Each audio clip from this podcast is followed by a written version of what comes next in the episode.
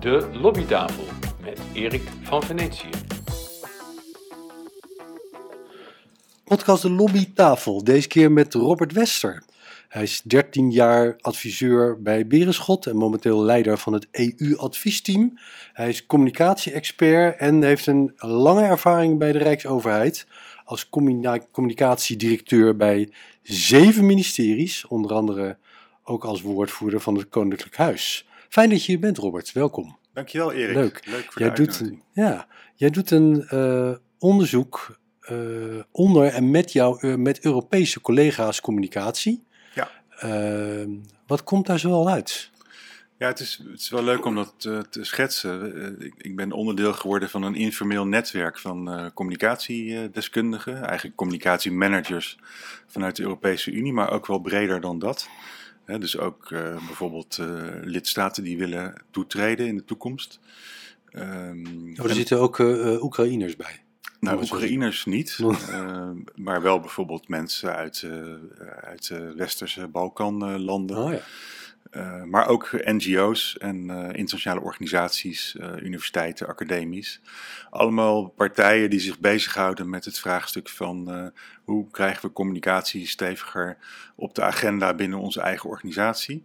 Omdat ja, toch wel het gevoel leeft dat communicatie een belangrijke rol speelt in de huidige crisis. En ook voor hoe je ze moet, hoe je ze moet aanpakken. ja.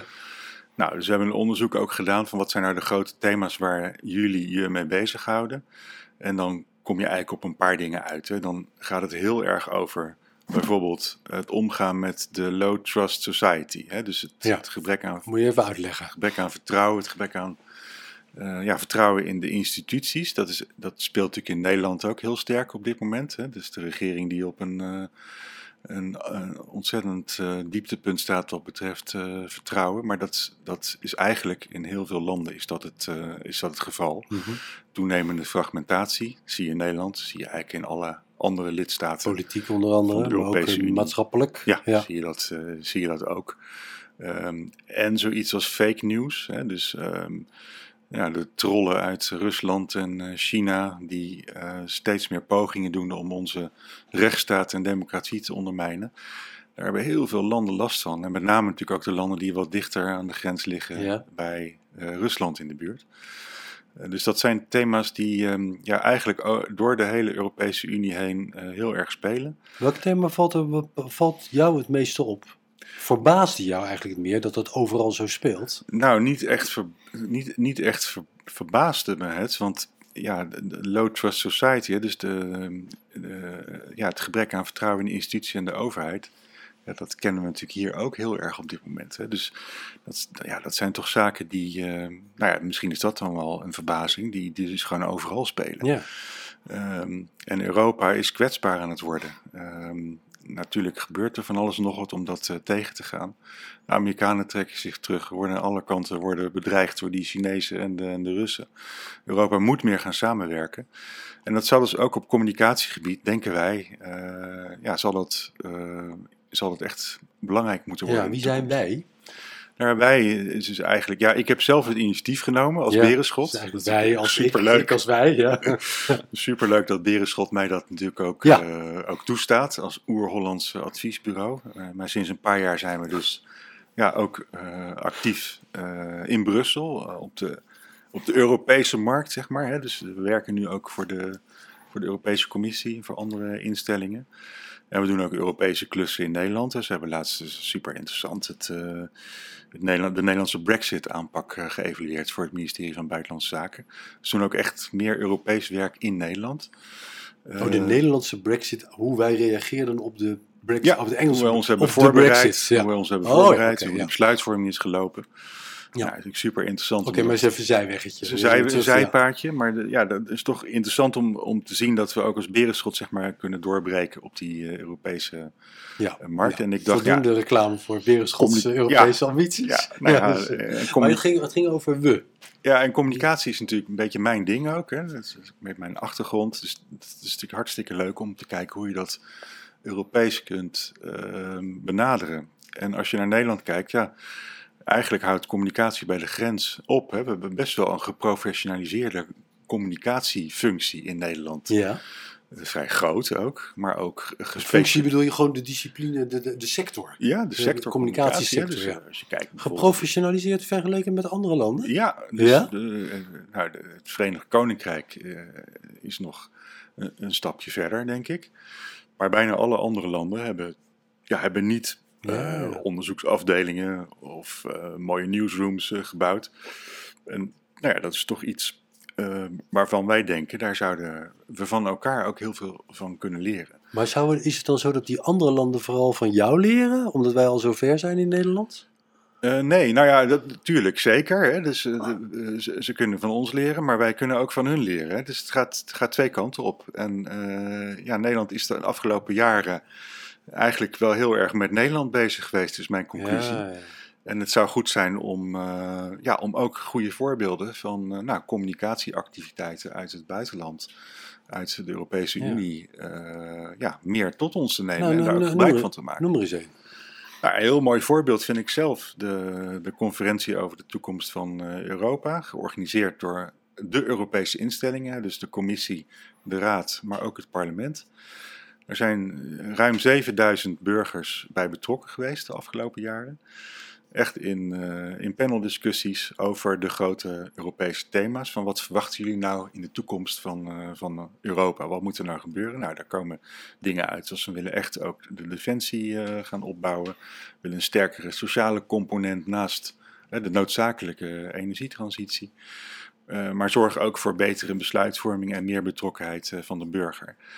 En Europa die, ja, richt zich ook veel meer eh, dan wij in Nederland doen eh, op de jonge generaties. Hè. Dus ze proberen echt met campagnes en op andere manieren in contact te komen met, eh, Ja. met, met jongeren, zodat ze ook een beeld krijgen bij Europa. Dus daarin zijn die andere landen weer verder dan in Nederland. Zeker. Hè. Ja. Dus bijvoorbeeld Europa in, eh, op school, in geschiedenislessen bijvoorbeeld, ja, is in Nederland echt mondjesmaat. Terwijl in andere landen is dat, eh, ja, is dat eh, verplichte kost en is dat ook heel, wordt dat ook heel belangrijk Ja. gevonden. Maar laten we even. Het, het- Europa is natuurlijk bezig om daarmee ook zichzelf bekendheid en steun te verwerven voor de Europese gedachte. Ja, Maar we hebben het nu even over die communicatieve kant. Ja. Hè, die, die, die low trust society, Ja. de misinformatie, fake news en dat soort dingen. Wat doen, wat doen de Europeanen daar dan aan? Nou, iedereen worstelt daarmee. Hè? Ja. Dus dat is eh, lastig. En ook, ook de, de, de OESO, hè, de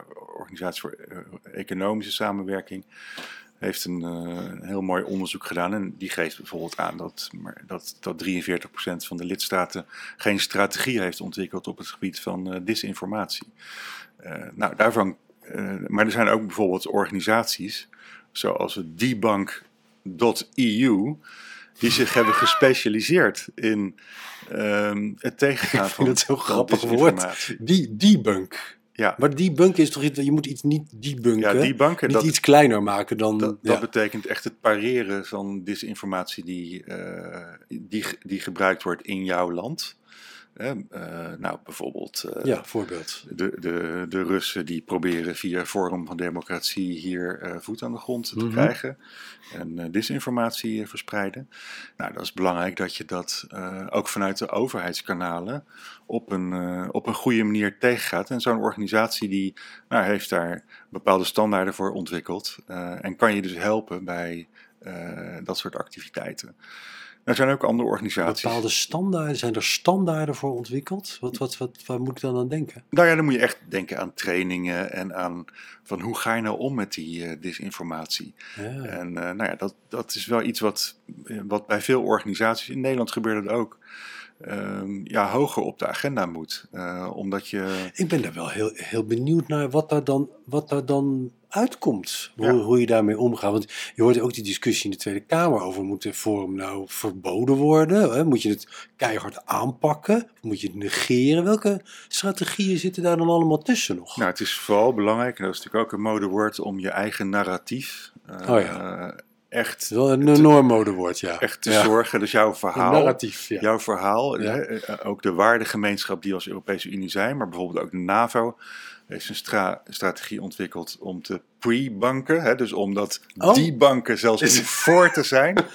Eh, en dat houdt, houdt gewoon echt... Oh, dus in. echt proactief debunken is pre-bunken. Is pre-banken. Pre-banken, Dus eh, ervoor zorgen dat eh, de trollen überhaupt geen rol van betekenis Mm. kunnen Dus spelen. anticiperen op dat het Ja. gaat gebeuren. Ja. ja. En dat heeft heel erg te maken met strategische communicatie. Met zorgen dat je boodschap dat je, eh, dat die goed eh, op de verschillende kanalen terechtkomt. In Ja, de ja. verschillende bubbels. Hè? Want iedereen zit Oh, in zijn eigen tuurlijk. bubbel. Ja, oh. Eh, dus dat, dat is ja, buitengewoon Heb je, belangrijk. is daar al een voorbeeld van? Of is het nog allemaal zo nieuw dat het nog nee, dat niet het- echt vast te pakken is? Dat, daar, daar zijn dit soort organisaties zijn daar permanent mee bezig. Die het belangrijkste voorbeeld- Ja, geef eens een voorbeeld. Het belangrijkste voorbeeld is dat je mensen eh, in jouw team hebt zitten die eh, alles monitoren, die precies weten hoe er over jouw organisatie wordt gedacht en geschreven. Op, hè, in de riolen van, eh, van Twitter, bij wijze van Ja. spreken, tot en met de serieuze media. Dat geldt dus voor organisaties, bijvoorbeeld overheidsorganisaties, bedrijven. Ja. Ja, dus eh, zorg dat je goede eh, data-analysten eh, in dienst hebt die dat eh,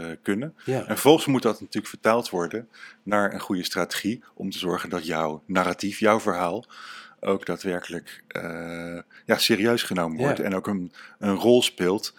Ehm, bijvoorbeeld eh, in de richting van, ehm, nou ja, van kwetsbare groepen, van mensen die, eh, die het gevoel hebben van eh, we hebben weinig vertrouwen meer in de overheid en die eigenlijk op zoek zijn naar andere partijen buiten de overheid. Maar zie jij nou, zie jij nou in die andere, jij hebt zo goed oog voor die andere landen hè, om ons heen, voorbeelden van waar ze dat narratief wel al pre-bunken? Om er maar even in het dubbele nou ja, jargon te blijven. Met name in, eh, in zeg maar de, de, de Baltische staten zijn ze daar heel eh, actief in. Ja, die Mhm. grenzen natuurlijk ook aan eh, Rusland. Die hebben eh, permanente crisiscommunicatie op de been. eh, en zorgen voortdurend voor, als er berichten komen uit eh, Rusland of via, eh, ja, via onbetrouwbare kanalen eh, een rol gaan spelen in de publieke opinie, dat ze daadwerkelijk daar ook hun eigen verhaal tegenover eh, Ja, stellen. En laten zien wat ze. Ja, en wat dat ze doen ze dan ook in die, in die sociale media bubbels waar die trollen of waar die disinformatie Ja, zich manifesteert. ja, idealiter, idealiter wel. Eh, maar ja, ook daarvoor geldt, dat is allemaal in ontwikkeling. En dat is daarvoor, ja, het is eigenlijk een van de belangrijkste uitkomsten van het onderzoek wat ik heb gedaan. We moeten echt werken aan de professionalisering van eh, communicatie. Ja. De communicatie is meer dan, dan alleen woordvoering doen naar traditionele media. Dus ook echt zorgen dat je ja, in gesprek komt met, eh, met, met kwetsbare groepen in de samenleving bijvoorbeeld. Ja. Dat je echt voeling houdt met eh, ja, wat er gebeurt in die samenleving. Nou, daar gaan we volgens mij in een andere podcast ook over doorpraten. Maar Mhm. dat, speelt, dat speelt niet alleen in Nederland, dat speelt eh, Europees. Dus zorg nou dat je ja, aan, aan echt capaciteit in huis hebt om eh, de mensen in jouw organisatie daar op een goede manier over te kunnen adviseren. En zijn er nog andere middelen behalve eh, op tijd, of al- behalve anticiperen op het ongewenste geluid? Want dan komt het eigenlijk, als ik het probeer te vertalen, op neer. Zijn er nog andere technieken die in ontwikkeling zijn? Nou, nee, het heeft vaak ook gewoon te maken met eh, het, zorgen dat, eh, dat je een goede samenwerking eh, organiseert. Hè? Dus onderling, dus tussen de verschillende ministeries, maar ook tussen de ministeries en de, de andere publieke overheden, bij wijze van spreken. Ehm, maar ook dat je, dat je niet alleen maar vanuit het overheidsperspectief naar die dingen kijkt. Dus zorg dat je ook samenwerkt met andere partijen, zoals maatschappelijke organisaties, eh, Ja, NGO's, ja, ja, ja. onderzoeksinstellingen en dergelijke. Nou ja, en deze Club van Venetië, waar we dan eh, onderdeel van zijn, is daar dus een heel mooi voorbeeld van. En daar wordt voortdurend worden dus, ja, wordt daar uitgewisseld over de grote opgaven, maar ook de grote crisis die nu gaande zijn eh, in Europa, waar elke lidstaat mee bezig is. En waar ook al die organisaties mee bezig zijn, om van elkaar eh, te leren. Nou, dit centrum, wat ik nu aan het bouwen ben, het Center voor Publieke Communicatie, want dat moet dus volgen uit dit onderzoek Ja. ehm, ja, moet daar de voorwaarden voor gaan, eh, gaan scheppen. Hm. Dus echt zorgen dat de informatie op orde is, dat iedereen daar gebruik van kan maken. Eh, en dat er ook trainingen verzorgd kunnen worden daar waar nodig. Ja, voordat we het over, verder over het centrum gaan. ehm, eh, je verhaal brengen in de sociale media en in de bubbels. Ja. Eh, welke, sociaal, welke, welke sociale media zijn vooral belangrijk? Nou ja, dat is, dat is een goed punt van jou. Hè? Dus het is ook wel een punt van zorg, eerlijk gezegd. We, hebben, we hebben natuurlijk net deze hele discussie over Twitter. Van wat blijft daar nu eh, van over? Is dat nog wel een, eh, eh, een betrouwbaar medium? Dus, en we zijn natuurlijk eigenlijk heel erg afhankelijk van de Amerikaanse kanalen. Dus natuurlijk Facebook, Instagram.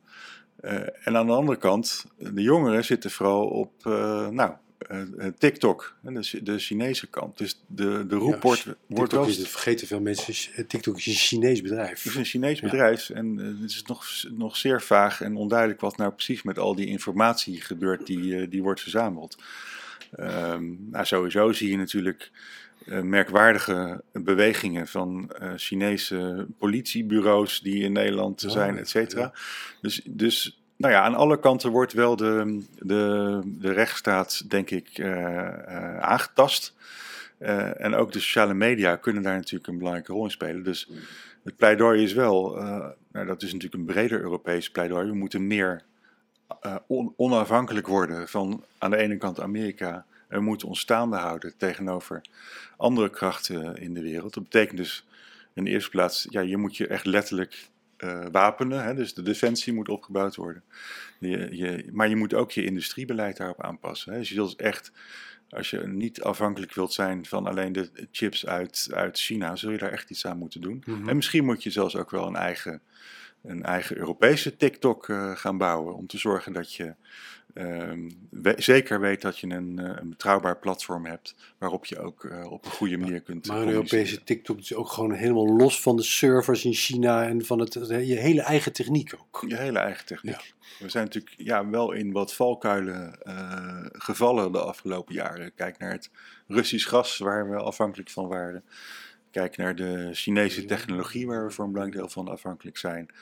En niet te vergeten natuurlijk de Amerikaanse defensie, Chinese kapitaal. het Chinese kapitaal. Ja. Dus aan alle kanten is het wel heel erg van belang. En dat gebeurt nu ook. Hè. Dus Europa trekt een grotere broek aan. En ik denk dat dat goed is. Ehm, dat we daarin gaan investeren. En dat we dus ook eh, op communicatiegebied daar eh, een serieuze discussie over eh, voeren met elkaar. En niet alleen maar vanuit onze eigen veilige lidstaat. Nee, maar met elkaar. Communicatie, zeg jij, moet eigenlijk een meer centrale rol gaan vervullen op Ja. alle lagen, bestuurders meer responsief maken. Heb je daar nou voorbeelden van vanuit die andere landen in dat onderzoek? Ja, ik, eh, we waren op een conferentie in, eh, in Toulouse en daar presenteerde eh, de, de desbetreffende regio daar, een vrij grote regio, die presenteerde ehm, eh, ja, hoe ze op regionaal niveau met die energietransitie zijn omgegaan, maar dan vooral in relatie tot eh, alle mensen die daar wonen. Ze hebben duizend mensen geselecteerd uit alle hoeken en gaten van, eh, van die regio. Die werden daar ook voor betaald. Eh, en vervolgens zijn er dus heel veel vragen voorgelegd over hoe je nou die energietransitie eh, in die Oh. regio vorm zou. eh, Doet me een beetje denken aan een burgerberaad, zo'n geloot lijkt er- burgerberaad. Lijkt er een beetje op. Maar dan betaald. Maar dan Het betaald. dat ze betaald Ja. worden. Ja. Ze zijn gewoon betaald en, en uiteindelijk heeft het ook geleid tot eh ja, 100 voorstellen. waarvan er geloof ik 97 ook zijn overgenomen door de, Oh. ja, door de instituties. Want hè, dat is natuurlijk wel belangrijk dat het ook overgenomen Ja. wordt. Ja. door de vertegenwoordigende Oh. organen. Hè. Dus, dus dat, is, ja, dat is wel mooi. Hè. Dus dan zie je ook dat je echt kan zorgen voor eh, ja, een burgerparticipatie die leidt tot ook daadwerkelijk eh, ja, besluitvorming. En dat is hartstikke mooi. Zijn dat dingen die we in Nederland zouden kunnen overnemen? Ik denk het wel. Ik denk dat, kijk, in Nederland is natuurlijk ook de, eh, het probleem dat eh, de overheid steeds meer moet proberen om al die verschillende groepen eh, te betrekken. Ja. Nou, daarvan kun je ongelooflijk veel leren van dit soort voorbeelden. Ja. Er zijn natuurlijk in verschillende lidstaten zijn er nu experimenten mee gedaan en goede voorbeelden te vinden, die je natuurlijk in Nederland heel goed zou kunnen toepassen. Hoe komt dat volgens jou dat we in Nederland zo zullen we zeggen, onze, onze grenzen op slot zetten voor goede ideeën, communicatieve ideeën uit het buitenland? Ja, ik heb daar geen verklaring voor. Ik vind dat eigenlijk ook wel, wel raar. Ik denk wel dat we als Nederland uh, de, de, ja, de afgelopen 10, 15 jaar ons een beetje hebben afgekeerd uh, van Europa. We stonden ook vaak op de rem, hè, zeker als het ging om de financiële discussies. Ik moet wel zeggen dat het uh, regeerakkoord van Rutte 4 aanmerkelijk pro-Europeeser is dan, uh, dan dat van de, van de afgelopen mm -hmm. keren, zeg maar. Um, maar we zijn toch een beetje in een, uh, ja, een Europese kramp ge terechtgekomen. Waarvan we denken van nou, we regelen het hier zelf wel en we willen vooral niet al te veel afdragen aan Europa. Nou, dat is natuurlijk, ja, dat, dat, is jammer, hè? want ik denk dat... Ja, want daarmee wordt ook een beetje de, de, de deur dichtgehouden voor leuke ideeën, goede ideeën, als Zeker. ik jou goed begrijp. Zeker, Ja. zeker. Gewoon eigenlijk gewoon een anti- anti-Europa-sfeertje hangt er in, in, in, Ja, in Nederland. nou ja, dat is natuurlijk, dat debat is ook enorm gepolariseerd. Hè? Dus het is ook allemaal niet makkelijk. Eh, het, wordt vaak gekaapt door partijen als, eh, als Forum voor Democratie of de PVV, die Ja. echt expliciet anti-Europees zijn of zelfs pleiten voor een, het uittreden van Nederland eh, uit de Europese Unie. Maar ja, wat is er tegen om het, eh, het verhaal daar tegenover te zetten? Namelijk da- dat het ons tot heel veel heeft eh, gebracht. En natuurlijk moet Europa ook veel energie steken in het eh, beter vertellen van het verhaal wat er allemaal gebeurt. Maar als je nou gewoon naar de afgelopen jaren kijkt, bijvoorbeeld de aanpak van de, de vaccinaties, op, op een gegeven moment is het echt een, een Europees gecoördineerde aanpak geworden. De corona-herstelfondsen. Gewoon 750 miljard eh, beschikbaar gekomen om eh, de economieën niet na de coronacrisis eh ineen te laten storten. En vervolgens hebben ze het ook heel slim verbonden aan de ambities die er al waren op het gebied van vergroening en, Ja. en digitalisering. Ja. Dus Europa heeft wel echt een, een stevige rol gekregen. Nederland heeft dat altijd een beetje proberen tegen te houden. Eh, inmiddels denk ik, ja, je, je moet ook uitgaan van je eigen kracht. En Europa is een krachtig instrument. Waarom zou je dat niet wat positiever eh, beoordelen? Ja. En waarom ook niet inderdaad, wat jij zegt, meer leren van, eh, van andere landen. Waarin ook echt, ja, bijvoorbeeld op het gebied van ja, participatie van, van burgers en het betrekken van burgers bij beleid echt goede voorbeelden zijn. Ja. Dus, eh, dat, is, dat is wel echt, zou heel leuk zijn. je noemde Frankrijk, Ja. Toulouse, eh, eh, klimaat, energie. Ik zou maar zeggen, een soort betaald burgerpanel.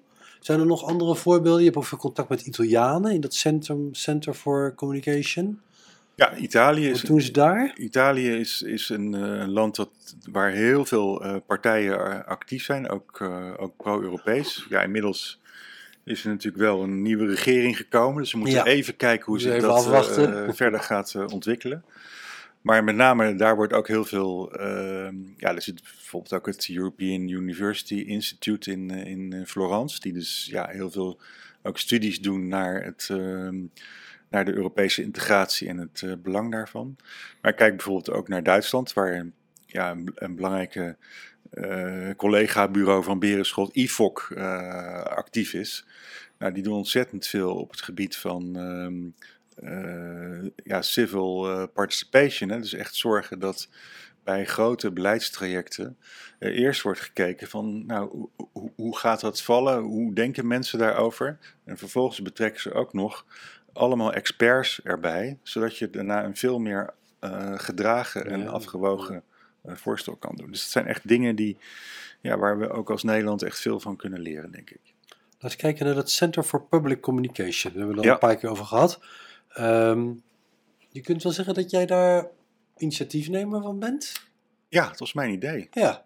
En hoe heb je dat voor elkaar gekregen dat al die Europese landen achter jou aanrollen? Nou, eh, Erik, we moeten het nog wel. eh, Oh, het moet er nog wel het moet, het, moet, het moet nog wel vastgesteld eh, worden. Ja. Ze hebben in, ehm, in de zomer hebben ze gezegd, hè, dus de, de leden van de Club van Venetië, dit is een heel mooi idee. eh ga het uitwerken. Ik ga nu volgende week in Venetië, dus ik zit nu aan tafel bij Van Venetië. En volgende week zit Absoluut, ik echt ja. in Venetië. ja. Ehm, is geen toeval, hè? Ga ik, Nee. nee. ga ik het voorstel ook eh, echt neerleggen? Eh, we hebben dus een onderzoek gedaan onder de deelnemers. En daaruit blijkt dat, eh ja, dat, dat 95% van de deelnemers heel erg enthousiast is. Ja. En ook echt wil dat er iets gaat gebeuren. Bijvoorbeeld op het gebied van die standaarden rond crisiscommunicatie of disinformatie. Maar ook als het gaat om eh, nou ja, de, de datagedreven kant. Hè. Dus zorg dan dat je echt ehm, ja, goed monitort en daar ook eh, je strategie op kan ontwikkelen. Nou, daar willen we dus eh, op gaan inzetten. Dus echt een, een centrum bouwen. Niet een heel groot centrum, maar vooral ook een virtueel centrum. Met Ja, een wordt- het wordt database. niet een gebouw of zo. Nou, ik denk dat we wel een, ge- een klein gebouwtje nodig Oh, hebben. Hè? ja. Bijvoorbeeld in Brussel Voor jou als of in. Maastricht. Hè, op, op een, op, of in Florence, op een plek, op een plek waarin, eh, waarin veel samen kan komen. Waarin ook veel partijen eh, snel naartoe kunnen komen. Want dat is ook wel de wens die, die uit dat onderzoek naar voren komt. Laten we vooral die ideeën uitwisselen. Ja. En ik wil, ik wil eigenlijk vooral zorgen dat al die goede ideeën, dat we die bundelen. Dat die snel beschikbaar zijn. En als er landen in nood zijn, stel er breekt een enorme crisis uit in een bepaald land, dat je daar ook nog eh, aan ja, directe problem solving kan doen. Hè? Dus dat je bij wijze van spreken daar capaciteit, eh, capaciteit kan invliegen. Kan capaciteit Maar een zijn. crisis kan bijvoorbeeld zijn een, een cyberaanval op de overheid of iets. Ja, Waar moet ik dan aan denken? Ja, nou ja, goed. We, we leven in een tijd waarin de ene crisis eh, en de andere crisis zich natuurlijk opstapelen op het gebied van eh, klimaat en energie, op Ja. het gebied van eh, Oekraïne, eh, nou, noem maar op. Dus, dus, dus in die zin is er heel veel aanleiding om, om elkaar daarin in bij te staan en, en te helpen. Maar dat zijn toch. Het, het- in die zin moet je toch ook niet te veel van communicatie verwachten. Want het zijn toch, er gaan toch eerst politieke besluiten aan vooraf. Een cyberaanval, een pandemie, Zeker. een eh, energie, hè, energieprobleem. Er zijn toch eerst politieke beslissingen. Dan, ja, maar goed, hoe, dat, hoe dat, dat verkeerd? Nou ja, dat is natuurlijk wel wat we vanuit bijvoorbeeld Nederland en het Verenigd Koninkrijk kunnen leren. Eh, Zorg in elk geval dat communicatie daar van het eerste begin eh, al aan tafel zit. ja, ja.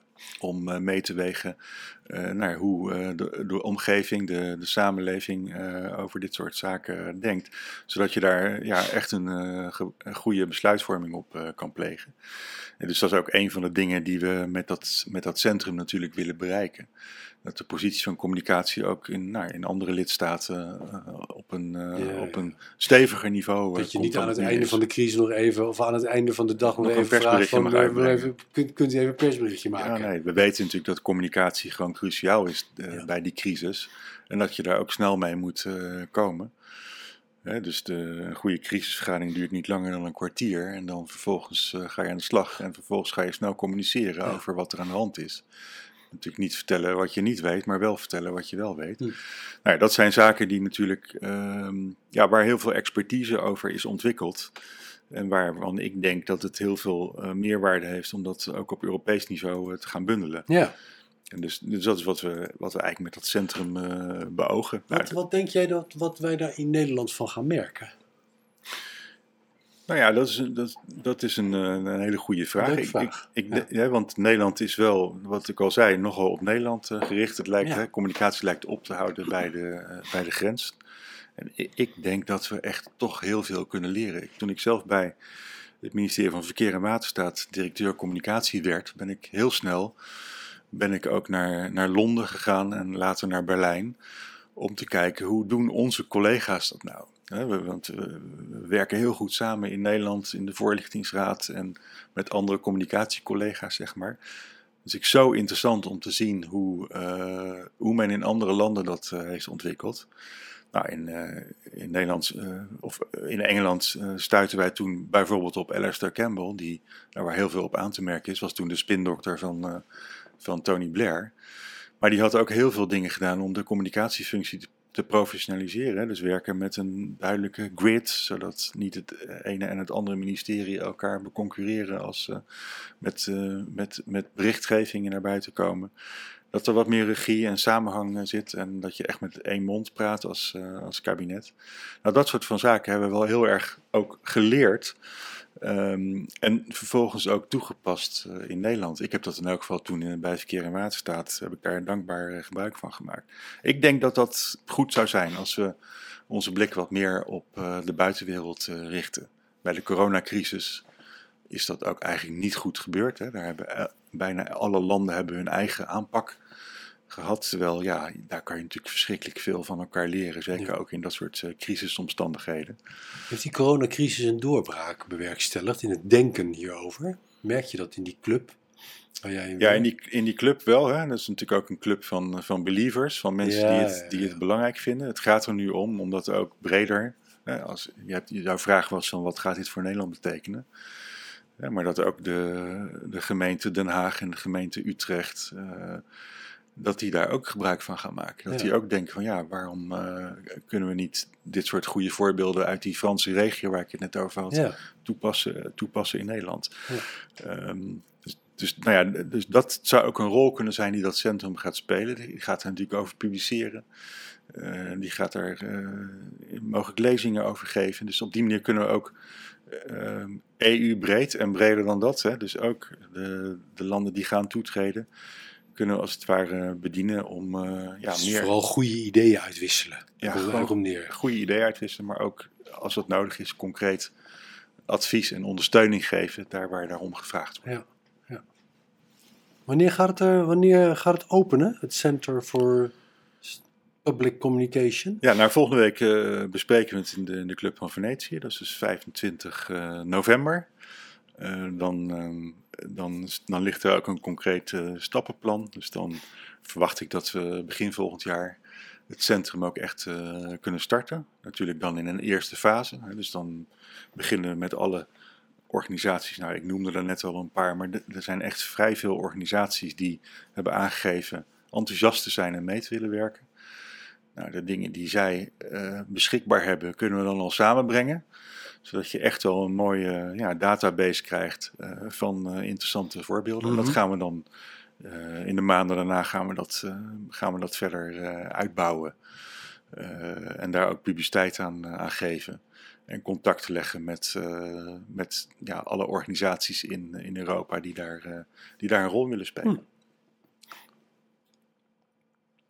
We zijn hartstikke benieuwd wat, het, wat die club voor, eh, voor effect gaat hebben. En vooral in Nederland eh, natuurlijk. In de hoop dat we daar in Nederland ook de grenzen dan letterlijk voor openzetten. En Ja. Eh, ik ook. Het is ook ontzettend leuk om aan, aan te werken, Erik. wie, moet je, wie, moet je, wie heb je er het hardst voor nodig? Jij bent initiatiefnemer, maar anderen moeten dat oppakken. Ja, het is, het is echt een samenwerking van nou, een aantal lidstaten. Het is natuurlijk heel belangrijk dat die eh, Ja. meedoen. Een Wel aantal, maar in, in Nederland. Wie, wie zijn nou mensen die. Is dat Rutte of is dat, eh, zijn dat de verzamelde directeuren communicatie van de ministeries? Of, Ja, in Nederland eh, is het vooral buitenlandse zaken, algemene zaken en ook de NCTV, die een belangrijke rol speelt natuurlijk Oh. in die hele crisiscommunicatie. Die hier... eh, Die hier- NCTV, dus dat de terrorisme, antiterrorisme club. Ja, ja, en dan de communicatieclub daarvan, zeg maar. Eh, die, die denken ook vaak mee in, eh, in Europese perspectief. Dus dat zijn wel belangrijke partijen om, eh, om aan boord te hebben. En dat zijn ze ook, hè, want die, die draaien ook echt mee in, eh, in die club van Venetië. En Europees breed moet je, moet je denken aan naar een aantal andere lidstaten. De Europese instellingen, natuurlijk de commissie, het parlement. En een aantal eh, ja, internationale partijen eh, die meedenken, zoals Ja. de, de OESO. Eh, maar ook dat, dat University Institute uit Florence, wat ik noemde. Het EIPA in Maastricht bijvoorbeeld zou ook hele interessante partijen kunnen zijn. En een aantal NGO's. Dus, dus ja, dat is natuurlijk mooi. Hè? Dus ehm, nationale overheden, Europese overheden en internationale organisaties die zich ja, ook mede gespecialiseerd hebben in het onderwerp eh, strategische communicatie. Ja. Zo is het. Goed. Robert Wester, hartelijk dank. Graag gedaan, Erik. Het was eh, leuk om hier te zijn.